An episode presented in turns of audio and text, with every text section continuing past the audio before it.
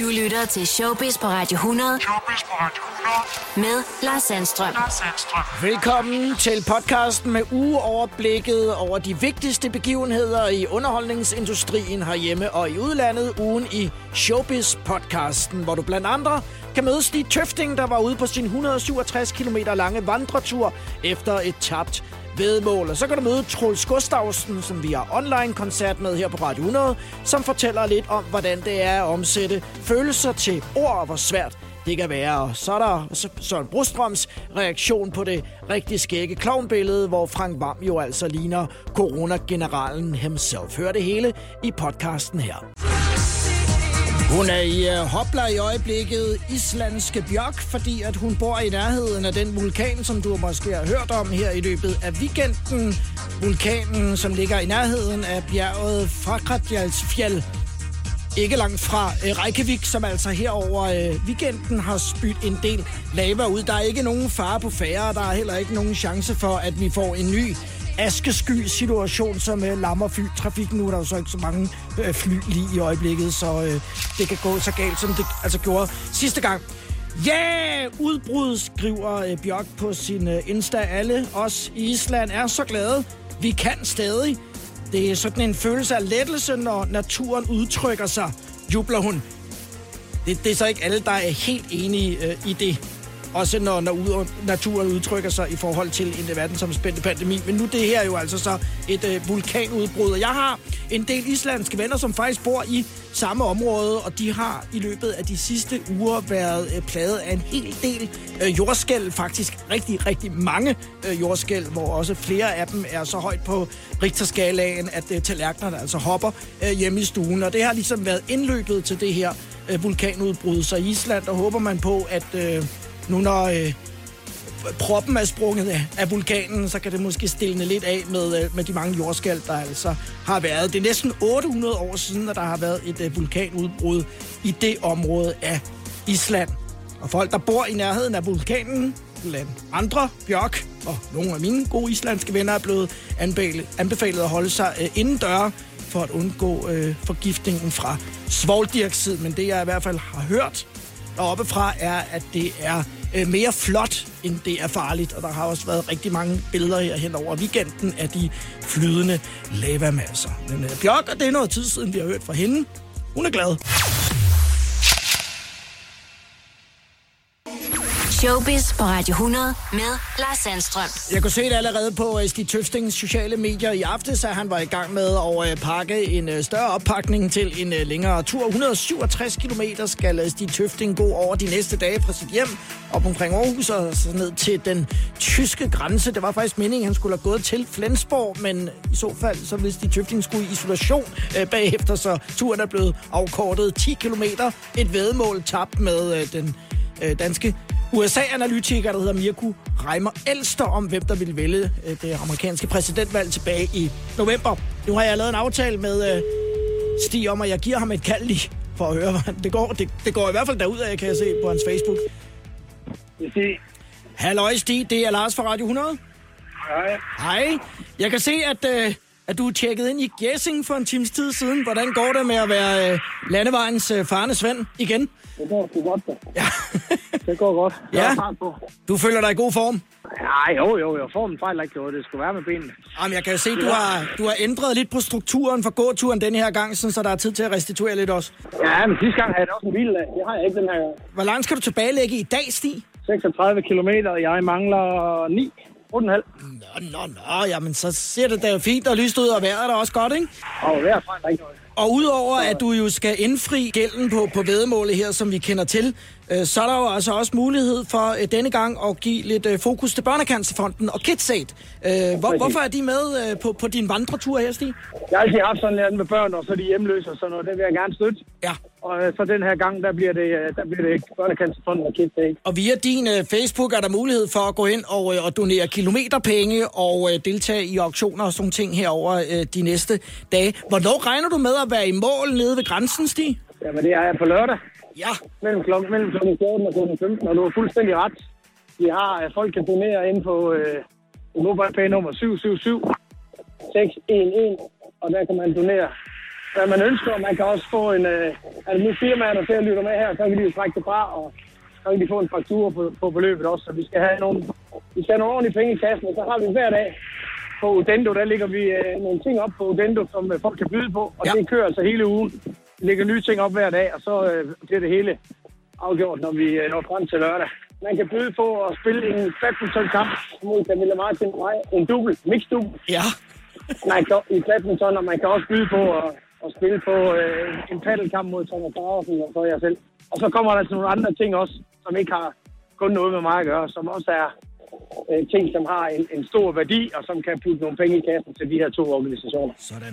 Sidste gang, der fik du vist en ordentlig røvfuld øh, mod Camilla, så det, det, er måske meget godt, at I er på samme side af nettet den her gang. Så, Det er det, jeg mener. Det er det, jeg mener. ja, Man, man, skal jo vælge, man skal jo vælge sin kamp, ikke? det er det. Og, og sidste gang, du var ude og gå, du, du møder jo mange søde folk undervejs, øh, og der ved jeg også, at du blev tilbudt øh, frikadeller og øh, hotdogs og alt muligt andet, der gjorde, at du faktisk tog på øh, på turen. Så du... Jeg har heller, jeg har heller ikke tabt mig nu. Ej. Fordi at vi, har haft, vi har haft en forbi med frikadeller. Vi har haft en forbi med flødeboller. Ja. Vi havde en ølmand, der kom fra Royal Unibrew, som kom bravende forbi, og lige pludselig nærmest klipper bremserne i, og så bakker han tilbage med julespænd og ruller vinduet ned og hiver tre faktisk hold ud af vinduet. Ikke? Sådan. Øh, det kører bare derudad. Sådan. Stig, øh, rigtig god fornøjelse, og øh, jeg håber, at, øh, at øh, fysikken øh, holder til det. Dit humør er i hvert fald godt, kan jeg høre. Og så Øh, det ikke noget. lad os tales ved senere på ugen, så høre, om du har fået vabler på, på fødderne. Du ringer bare. Det er godt. Stig Tøfting, altså på øh, landevejene på vej mod den øh, tyske grænse i den gode sagstjeneste. Vi øh, tjekker ind hos Stig lidt senere på ugen her i Showbiz. Jeg tror, de fleste kender til øh, udtrykket en øh, tennisalbue, og måske har du endda også prøvet at, at have en, og den kan man også få, ikke nødvendigvis øh, kun af at have spillet tennis, men den kan også fås på flere andre måder, hvor man altså simpelthen øh, får overanstrengt ledende. Og øh, Sara Maria Frank Mærkedal, værpigen fra TV2, jeg var lige at sige, er gået skridtet videre, men det vil være, det vil være tageligt. Men hun har spillet tennis på en så uheldig måde, at hun altså midlertidigt må sidde i kørestol. Ja, jeg sidder i øh, kørestol, skriver øh, Sara Maria på sine sociale medier. Ikke noget alvorligt, men en vanvittig pinefuld fibersprængning, som gør, at jeg ikke kan gå på mit venstre ben. Skriver hun altså om at prøve at holde humøret højt, mens øh, venner øh, skubber hende rundt i, i forårssolen her i weekenden. Jeg havde faktisk spillet i halvanden time og var varm og det hele. Og så er det lige til sidst, at det sker. Jeg kunne nærmest høre, at den var gal, fortæller øh, Sarah Maria, som efterfølgende var en tur på hospitalet for at tjekke, om det var akillescenen, der var gal med, fordi hun simpelthen ikke kunne gå på venstre ben, men der var heldigvis ikke noget der. Det er en meget stor øh, fibersprængning, fortæller øh, værpigen, som altså på krykker er i stand til også lige at smide krykkerne uden for billedet, og så gå ind og lave weekendens udsendelser på øh, TV2, selvom at hun nok måske står en lille smule øh, skævt i billedet. Og der går altså øh, 6-8 uger, hvor hun skal holde sig i nogenlunde ro, før at der altså er styr på fibersprængningen igen. Så det kan godt være, at det er en god idé, at vi alle sammen rører os en lille smule mere i øjeblikket, men man skal selvfølgelig også lige passe en lille smule på, at man altså ikke kommer så galt afsted, at man slet ikke kan røre sig over længere tid. Man kunne godt få den tanke, at øh, prinserne William og Harry ikke er helt enige om øh, rigets øh, tilstand i det britiske kongehus. Det er jo øh, tydeligt for enhver, men blod er jo som bekendt tykkere end vand, og prins William savner sin lillebror, prins Harry. Det siger i hvert fald nogle af de øh, venner, som er tæt på William og Kate, og som også er så øh, fine at have den service, at de udtaler sig til pressen.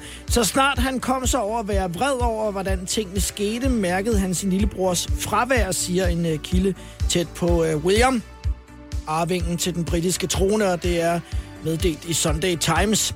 De delte alting i deres liv. Et kontor af en velgørenhedsorganisation havde møder sammen de fleste dage, og der var masser af sjov og ballade. Det vil han altid savne, fortsætter kilden i Sunday Times. Og venner tæt på William og Kate fortæller, at han er særlig nervøs ved tanken om at skulle overtage den engelske trone uden sin bror, lillebror, prins Harry, ved sin side. Han mærker helt klart, at der er et pres nu, hvor alt ligger på hans skuldre. Hans fremtid ser anderledes ud på grund af brorens valg. Og det er ikke nemt, siger en øh, ven tæt på prins William. Også Harry udtaler sig om sin storebror i det berømte interview, Jeg elsker William. Vi har været igennem et helvede sammen, og vi har delt den oplevelse, men vi er på forskellige rejser nu, lyder det altså fra Harry i interviewet, og Vennerne tæt på parret, som er i direkte kontakt med pressen, siger også, at William har givet udtryk for, at han gerne vil tale med Harry, men det er i hvert fald officielt ikke noget, som er sket endnu. Og man kan måske også gå hen og håbe på, at det var noget, de to bare kunne klare på en måde, hvor vi andre ikke nødvendigvis behøver at blive indvilget i alt, hvad der bliver sagt. Der var live show på øh, X-Factor-scenen fredag aften, og i den forbindelse, så er Blackman måske ikke den bedste ambassadør for at holde den gode tone, som programmet jo ellers har sat meget fokus på de senere uger. Mens at kameraerne altså kører, siger Blackman, at han synes, at Martin Jensen og hans deltagere i den ældre kategori var lidt smarte i starten af programmet. Og over for se og høre uddyber Blackman sin udtalelse. Hans deltagere var meget højrøvet i starten, men det er som om de er blevet banket lidt på plads, forklarer Blackman over for Ubladet. Det fik Hiba, den første, der altså blev stemt ud af en af Martin Jensens tidligere deltagere op i det røde felt, og hun er bestemt ikke enig med Blackman. Jeg kunne lad være at tænke over Blackmans kommentar om, at Wilson eller nogle af os andre var højrøvet, men det er fandme noget vrøvl. Undskyld mit sprog, skriver Hiba på sin Instagram.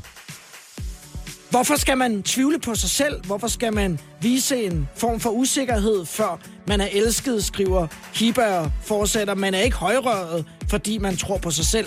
Tro på dig selv, elsk dig selv og vær stolt af dig selv, skriver Hiba altså øh, hjemme fra stuen, mens hun er en lille smule oprørt over Blackmans kommentar på fjernsynet. Men det er jo nok i Blackmans stil en del af spillet også at prikke lidt til de andre dommer, men derfor er det selvfølgelig stadigvæk vigtigt, at man tænker på, at der er mennesker, der modtager budskabet i den anden.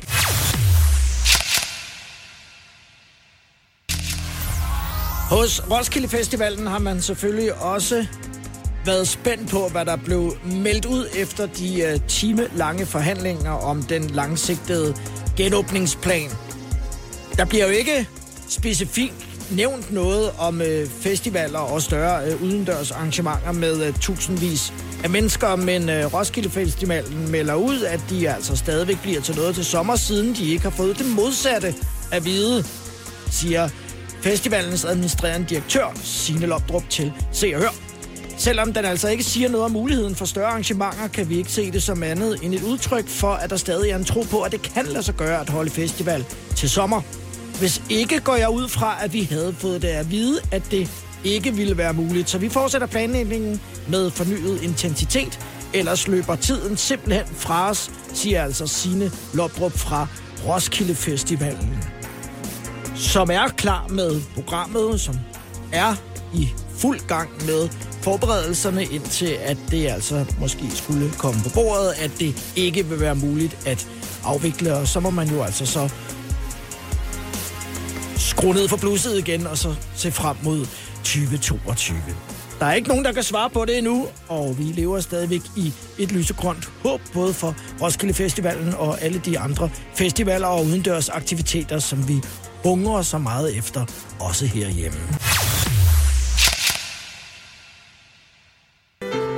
Så er der lidt hyggepiano.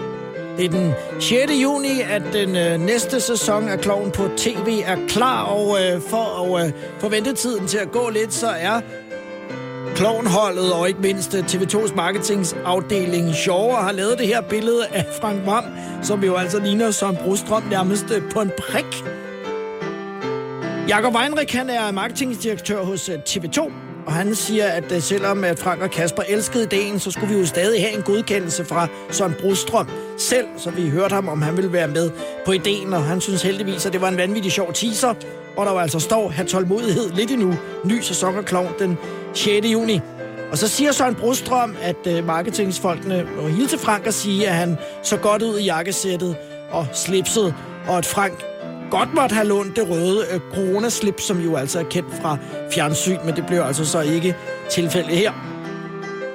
Selvom det er ham, altså Søren Brustrøm, som vi lytter til, og noget er hammerne alvorligt, så er han altså ikke bleg for at sige og gøre noget, der kan få vores bekymrede skuldre lidt ned igen. Han er med til at give et smil på læberne i en tid, hvor der ikke er meget smil af, siger altså marketingdirektøren fra TV2, Jakob Weinreich, og understreger, at billedet ikke har et græn af fingerpege mod politik eller covid-19-restriktionerne, men det er bare for sjov.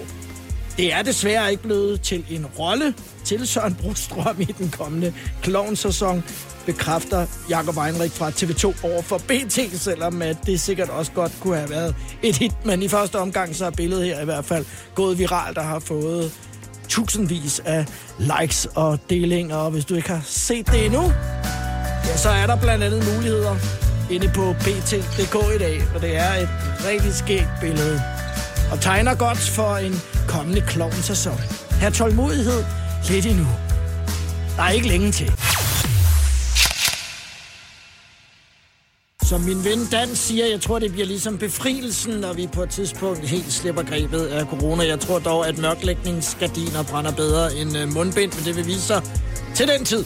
En af dem, som øh, også glæder sig, det er restauratør Umo Takaya, som vi selvfølgelig kender fra blandt andet øh, Morgen TV og, og Vild med Dans, for den sags skyld. Han glæder sig til at kunne byde folk indenfor på restauranterne Guldkrogen og Guldgrillen fra 21. april med udserveringer og fra 6. maj øh, altså indenfor med et coronapas. Og det er jo der, hvor jeg kan se, at flere af mine restauratørvenner på de sociale medier er en lille smule nervøs for, hvordan de skal øh, lege politi og sørge for, at øh, folk altså har coronapasset i orden, enten med en vaccination eller en øh, gyldig test. Negativ test. Umut siger, jeg er ved at undersøge, om jeg kan uddanne mit personale, så de kan udføre coronatest. Man behøver ikke have en sundhedsfaglig uddannelse. Jeg vil undersøge, om det er muligt, at tjenerne kan gøre det. Det vil være lettere, siger Umut, i forhold til, hvis der er nogle gæster, som har fået glemt at taget en test, eller ikke har coronapasset i orden. Og så er der lidt en udfordring omkring de københavnske restauranter den 21. april, for der er mange af dem, som ikke har særlig meget plads. Og derfor så er Umut nu for sit eget vedkommende ved at undersøge, om restauranterne kunne få lov at inddrage eksempelvis parkeringspladser til øh, udendørs servering i en given periode. Det er jeg ved at tale med kommunen om. Vi må omstille os og gøre det, det kræver. Det er i hvert fald langt bedre end at holde lukket, siger Umut Sakaya til Ekstrabladet, og allerede nu ved at sætte øh, kog under gryderne, selvom der selvfølgelig stadig er lidt til den 21. april. Så kan man øh, få sig et, øh, et sæt pind i næse, giver adgang til kæbe i øret. Så kan man jo altid snuppe en af de berømte burger, hvis man skulle få lyst til det også. Det her, det her er Showbiz Radio 100. på Radio 100. Og der er startet et skægt program på fjernsynet. Det får premiere den 16. april, og det hedder Lego Masters. Og som navnet jo afslører, så er det noget med Lego-klodser. Og man kan faktisk sige, at det er en form for bagdysten, bare med Lego-klodser. Ikke at man skal spise dem, men man selvfølgelig skal bygge med dem. Og så kunne man måske tro, at det var noget, som øh, var blevet udtænkt her hjemme i Danmark. Men det er faktisk et britisk tv-koncept, som øh, TV2 nu sætter på skærmen i april måned, hvor otte par skal dyste mod hinanden med hjælp fra 3 millioner Lego-klodser, når de på tid skal løse forskellige udfordringer. Og verden er en, som er kendt med det at skulle løse forskellige udfordringer. Han er nemlig blandt andet med i Stormester, hedder Victor Lander. Han er komiker og glæder sig meget til at kaste sig ud i opgaven her. Vi har alle sammen bygget med Lego-klodser som børn, og helt ærligt, hvem ville ikke ønsket, at de var blevet ved? Og det er der jo også en del voksne, øh, der har gjort, blandt andet min gamle nabo Andy. Det her program er en hyldest til de kreative, modige og nørdede mennesker, der ikke bare er blevet ved med at bygge, men har lagt en masse tid og energi i at blive sindssygt gode til det. Og Lego Masters får premiere den 16. april på TV2 med en finale, der sendes den 4. juni. Og så kan vi jo se, om der eksempelvis er nogen, der bygger John Dillermand, og han er så over på den konkurrerende kanal. Det kan være, at man ikke skal bygge ham i Lego Klodser, så kan det også godt være, at det vil gå hen og blive øh, censureret. Det bliver skægt at kigge på, hvad man kan få ud af alle de klodser. Jeg kan da i hvert fald huske som barn, og jeg havde kæmpe glæde af det.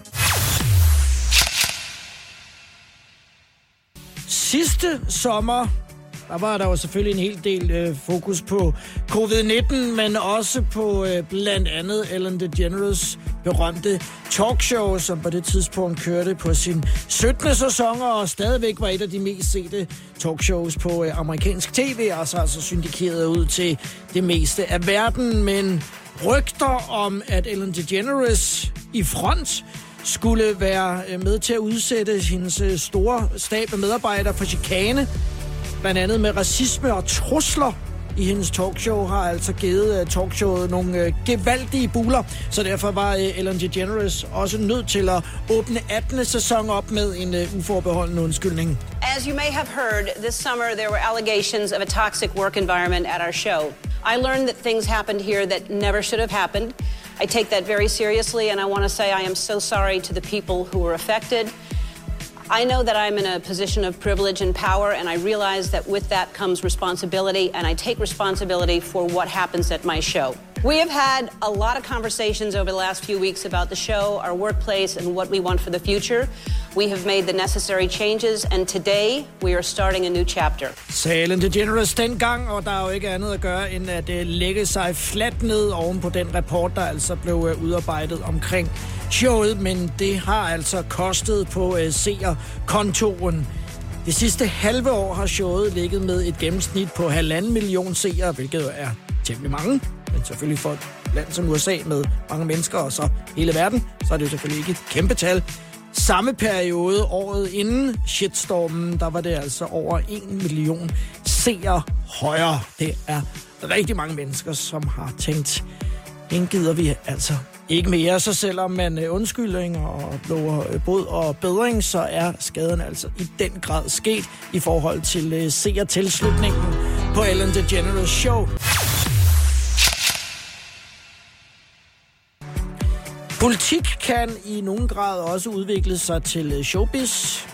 Nogle gange mere, end man selv havde lyst til. Et eksempel er det billede, som Mette Frederiksen jo lagde op fra 9. klassen på Bagneskolen i Dalby, og der, hvor der altså er en dreng hernede Nick i baggrunden, som øh, strækker langefingrene ud mod øh, Mette Frederiksen bag hendes ryg, så det kan hun jo altså ikke se. Og det billede gik jo altså meget hurtigt viralt. Der var nogen, der synes det var skæb og skæg, og så var der andre, der synes at det var stærkt upassende. Det har i hvert fald skabt en øh, larmende debat, og drengen er blevet kaldt alt fra uopdrageren til frihedskæmper. Det har i den grad delt vandene. Nu er det opsigtsende, opsigtsvækkende foto hedder det, blevet fjernet fra Mette Frederiksens sociale medier. Det skriver Berlingske til avisen, siger drengen Niks far, han hedder Tim Larsen, at familien begyndte at modtage hadefulde beskeder.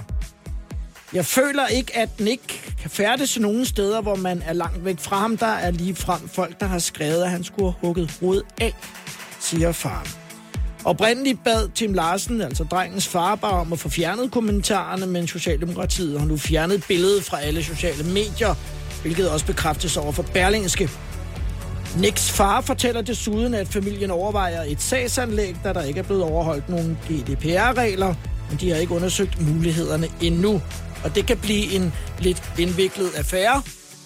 Men hvis de deltagende i billedet, hvis de altså interagerer med statsministeren, det kan man jo så sige, at drengen gør, dog bag hendes ryg, ja, så skal han øh, spørges om lov, om billedet må øh, postes på de sociale medier, og hvis klassen ikke på forhånd har fået at vide, at der kan blive taget billeder, som kan blive postet på Socialdemokratiets sociale medier, så er der også et problem der. Så det kan være et hyggeligt og nede på jorden øjeblik politisk billede, som altså så nu kan gå hen og udvikle sig som en persondata-sag. Det ved vi på et senere tidspunkt. Og med online-koncert med Troels Gustafsen mandag aften, der er stadig tre pladser tilbage. Du kan vinde dig adgang ved at deltage i konkurrencen på radioplay.dk. Og med på linjen her i Showbiz er Troels Gustafsen. Hej Troels. Hej hej. Hvordan går det, og har det?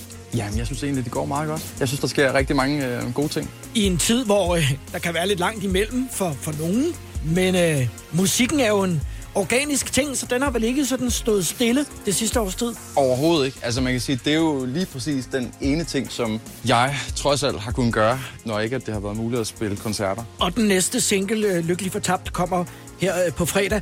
Hvordan har det været? Nu har du jo ligesom været på egen hånd i, i nogle år efterhånden, men øh, hvordan er det at gå fra det der med at, at, at være en duo til at, at, at skulle være alene? Hvem deler du sejrene med?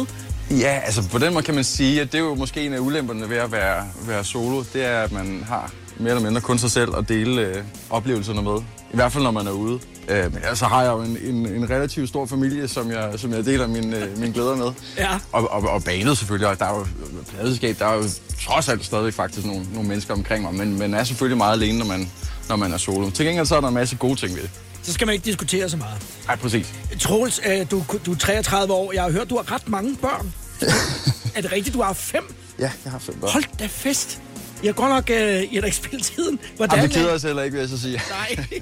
så er det måske meget rart at komme ned i studiet, og så går du nærmest helt ind i, i sangboksen og lukker døren, måske, bare for at få lidt ro. Ja, ja. Det bliver, det bliver brugt øh, jævnligt. Har du øh, prøvet at optræde online før? Nu skal vi jo have online-koncert med dig her på mandag. Nej, det er faktisk ikke. Jeg har ikke rigtig gjort mig så meget af det der, og jeg har desværre heller ikke rigtig haft uh, muligheden for det her under corona, så det bliver, det bliver min debut. Er du, Jeg glæder mig. Er du spændt? Fordi Jeg er meget spændt. Altså, det, det er jo altid lidt spændende. Nu har man jo uh, efterhånden vendet sig til uh, sådan nogle uh, Teams-møder og, Ja. og Skype og hvad, hvad der ellers findes af, af muligheder for at, at mødes på distance. Jeg læste et interview i, i går, øh, Troels, hvor at, øh, du siger, at du kan have lidt svært ved at udtrykke dig øh, i, i ord, altså almindelig tale, mm. men, men har nemmere ved det i forhold øh, til dine sange. Hvad, hvad er forskellen egentlig?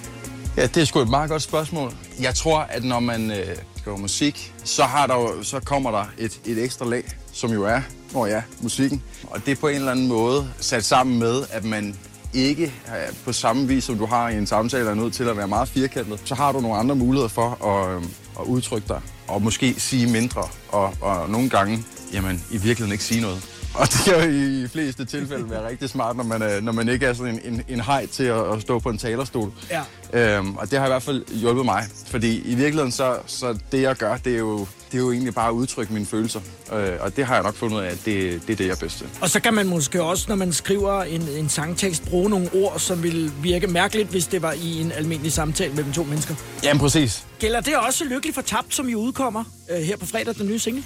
Mm, jamen både over, altså det er jo ikke sådan, øh, altså det, jeg vil sige, den, den er rimelig let forståelig. Det er jo en sang, der handler om at turde stå ved sig selv på godt og ondt. Og hvad kan man sige, turde indrømme, at livet er, nogle gange er noget lort. Og det synes jeg egentlig, at det, det kommunikerer den egentlig meget godt ud. Så på den måde er det ikke sådan en, en fuldstændig snørklet tekst, hvor man, hvor man sidder og leder efter, leder efter mening. Det, det synes jeg egentlig kommer ret godt ud. Vi Øhm, skal høre den på fredag, og, øh, og vi er jo så nogle ganske få, som er helt eksklusivt kan høre den øh, live øh, mandag aften i, øh, i næste uge. Hvordan er det at slippe sådan et stykke arbejde? Du har siddet med det lang tid, og, og nu skal du så pludselig have det ud til, til os alle sammen. Jamen, det er jo sindssygt øh, nervepirrende. Altså, jeg har det svært ved det hver evig eneste gang. Jeg glæder mig, men det er jo også sådan lidt med blandede følelser, fordi det er jo, det er jo øh, mit hjerteblod. Øh, så, så, så det der med at skulle give slip på det og lade nogle andre øh, have kontrollen over det, fordi det er jo fuldstændig ude af mine hænder, og nu har jeg jo ligesom gjort mit, så jeg kan ikke gøre så meget andet. Øh, det er bare sindssygt nervepirrende, men det er jo også det fede ved det, altså, så, så jeg glæder mig hver gang. Det er jo gået godt mange gange, og må ikke også, at det, at det gør det øh, den her gang. Siger jeg, fordi at jeg jo ikke har måttet høre sangen endnu, så jeg er spændt på det. Men øh, med det, der ellers er kommet fra dig, så, øh, så er forventningerne i hvert fald høje både hos mig og, øh, og vores lytter. Og det er de altså også til, øh, til mandag aften, når der er øh, online-koncert, så det er bare om at, at taste sig ind i konkurrencen, for der er stadig et par ledige pladser tilbage. Troels, det var hyggeligt at snakke med dig. Jeg glæder mig til at, øh, at få lov at kigge ind i dit studie mandag aften. Jamen, det er så hyggeligt. Jeg glæder mig også. Husk at rydde op. ja. Ja, ja, jeg gør mit bedste. Det er også nødt til hjemme med mig. Jeg vinker og, og, og byder velkommen. Og så, øh, så ses vi online, som man jo gør, øh, mandag aften, Troels. Det gør vi i hvert fald.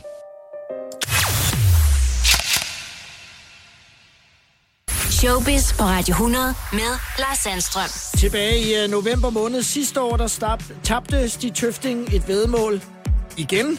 Og han skulle ud på endnu en gåtur, denne gang dobbelt så lang som sidste gang, hvor han gik Stigminoen. Øh, 167 km fra sit hjem og ned til den øh, tyske grænse. Lad os ringe til øh, Tøffe og høre, høre, hvor humøret er, man har ondt i fødderne. Det er Stig.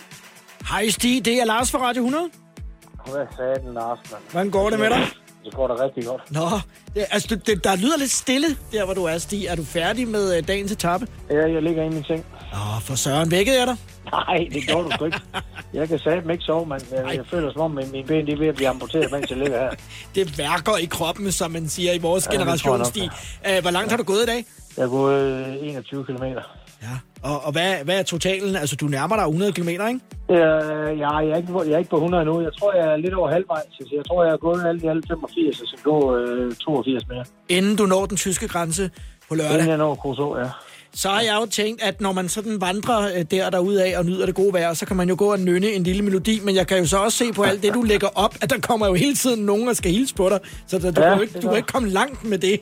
Øh, Hvad, Nej, hvad, jeg, jeg, når hvad, ikke mange, jeg når ikke mange vers. nej, hvad siger folk? Jamen, de, de hilser på og spørger, vil have... De, de fleste, de spørger, jeg vil have lidt at spise og drikke. Ja. Så. Men øh, men øh, jeg, jeg, jeg er fyldt godt op, så... Du har selv proviant med, og, og der er altså... Nej, det, har- det har jeg faktisk ikke. Jeg har en kildevand med i tasken, Okay. i tilfælde at der ikke kommer nogen, men den har jeg ikke haft brug for, fordi det, det er vældig lidt med Pepsi-Cola og Faxi Kondi og Coca-Cola og, Ja. Og kildevand og, mysli-bar og bolcher og jeg ved ikke hvad. Altså. Så håber vi ikke, at det, altså, at det kun er flødeboller og den slags ting, sådan, så Nej, også det var noget rigtig mad. jeg fik, fløde, jeg fik flødeboller, men, Okay. okay. men, men jeg, jeg skal også være, være ærlig og sige, at jeg spiser ikke alt, hvad jeg får. Altså, fordi jeg får en bakke flødeboller med 15 flødeboller i, så spiser altså ikke alle 15. Så kan du dele nogen ud til dem, som kommer og, øh, og hilser på dig. Jeg har jo også set, at du har troet nogle af de fodboldklubber, som øh, du skulle passere, at hvis de ikke sendte nogen ud fra deres øh, fysioafdeling, øh, så vankede dig, når du skulle kommentere dem i fjernsynet næste gang. Ja, præcis. Ja, ja, men der, der må jeg sige, at jeg ringede til en ven i går, jeg ringede til direktøren i Vejle, Henrik Tønder, og han, øh, han sørgede for med det samme, at deres fysioterapeut Susanne, hun stod klar. Så øh, Ja. der er ingenting at beklage sig over, hvad det angår. Nu er jeg kommet til Kolding, så er jeg spændt på, så er jeg mere spændt på, hvordan og hvorledes det ser ud der. Men øh, jeg kan jo altid give Christoffer Wittmann, som er træner i Kolding, et lille kald, og så høre, hvad han, hvad han synes. Inde på øh, Stis øh, mobile pay nummer, der hedder 777611, der er der mulighed for at øh, donere til det gode formål, Stig, og det er jo øh, Børnecancerfonden og KidsAid, som øh, du øh, gerne vil til gode se i forhold til de strabasser, som, øh, som du skal igennem her. Jeg håber, det går godt med det, og jeg, Jeg håber, kæmper, jeg kæmper. at det går godt med dig, når vi når ud øh, mod, mod enden. Tak for snakken, og, øh, og god gåtur i morgen. Og hvad, hvor går du fra og til i morgen? Jeg går fra Kolding til Haderslev i morgen. Det er en, en lille bitte tur på 32 km. Åh, oh, herregud. Du er, ja. du, du er trænet. Det er klart, vi får en formiddag. Sådan. Rigtig god tur, Tøffe. Tak for det. Jesper Skiby, som vi jo altid kender som øh, gavflaben og øh, manden med det gode humør, er ude med en bog, som viser en lidt anden side af Jesper Skiby, end vi normalt er vant til. Den hedder En gang var jeg Jesper Skiby, og her fortæller Skiby blandt andet om, hvordan det føles, når man mister sin identitet, som i hans tilfælde professionel cykelrytter på øverste hylde, og hvad der sker, når man ligesom forlader sejrskamlen og vender tilbage til det, vi andre er i, nemlig det almindelige samfund. Skibby fortæller blandt andet om et massivt stofmisbrug og en grublen over, hvordan samfundet egentlig fungerede, fortæller Jesper Skiby til her nu. Da Skiby stopper karrieren i 2000, falder han ned i et stort sort hul. Han var allerede ude i et stofmisbrug, men nytårsaften 2002, der tog Jesper en stor beslutning. Han ville ikke længere leve og overvejede selvmord. Men gjorde det ikke, for jeg kom til at tænke på min familie, min datter, Nicoline, min mor og min søster. Jeg havde taget 5-6 piller, men kunne ikke tage resten, husker Jesper Skiby, som fire år senere overvejer et nyt selvmordsforsøg, men bliver heldigvis stoppet af gode folk omkring ham. Og det var under en tv-opgave i Holland, hvor Jesper Skiby indser, at han ikke er en del af inderkredsen mere. En ærlig bog fra en mand, som ellers altid er i hopla. Men Jesper Skiby er også et menneske, og det er det, han beskriver i bogen. En gang var jeg Jesper Skiby, som altså er ude nu. Showbiz på Radio 100 med Lars Sandstrøm. Bobby Brown har været udsat for en næsten ubærlig og ufattelig familiær skæbne. Først mistede han jo altså sin øh, daværende kone Whitney Houston tilbage i 2012 Tre år senere deres fælles datter Bobby Christina, som bliver fundet bevidstløs i et badekar, altså afgået ved døden. Og sidste år var det så hans 28-årige søn Bobby Brown Jr.'s dødsfald, der ramte ham. Og her fire måneder efter dødsfaldet er det nu kommet frem, hvad der faktisk skete med Bobby Brown Jr. Ifølge obduktionsrapporten, som det amerikanske medie US Weekly har fået agtindsigt i, står der, at den 28-årige unge mand døde som følge af en dårlig kombination af alkohol, kokain og fentanyl. Rapporten konkluderer desuden dødsfaldet som en ulykke.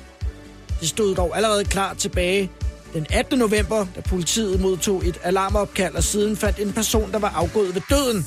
Han blev fundet sammen med to flasker tequila, hvor den ene var tom, men at der ellers ikke blev set hårde stoffer eller medicin af nogen art ved gerningsstedet. Men det har jo så ifølge obduktionsrapporten vist sig, at dem har han så taget. Bobby Brown har efter at dødsårsagen er kommet frem, ikke udtalt sig offentligt, men sagde dengang, at miste min søn har knust min familie. Der er ingen ord, der kan beskrive den smerte, vi følger, følger lige nu, sagde Bobby Brown altså tilbage i november. Bobby Brown har en søn mere tilbage, og han hedder Landon, men det er ikke en søn, han har sammen med Whitney Houston.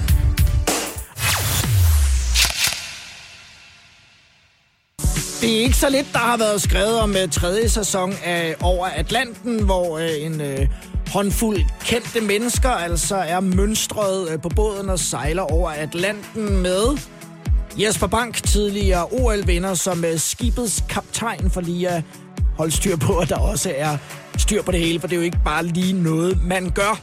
Ombord er blandt andre Lars Løkke Rasmussen, og det har jo trukket en del opmærksomhed til uh, tredje sæson. Umut Sakaya, Felix Schmidt og svømmeren Sara Bro er nogle af dem, som også er med ombord.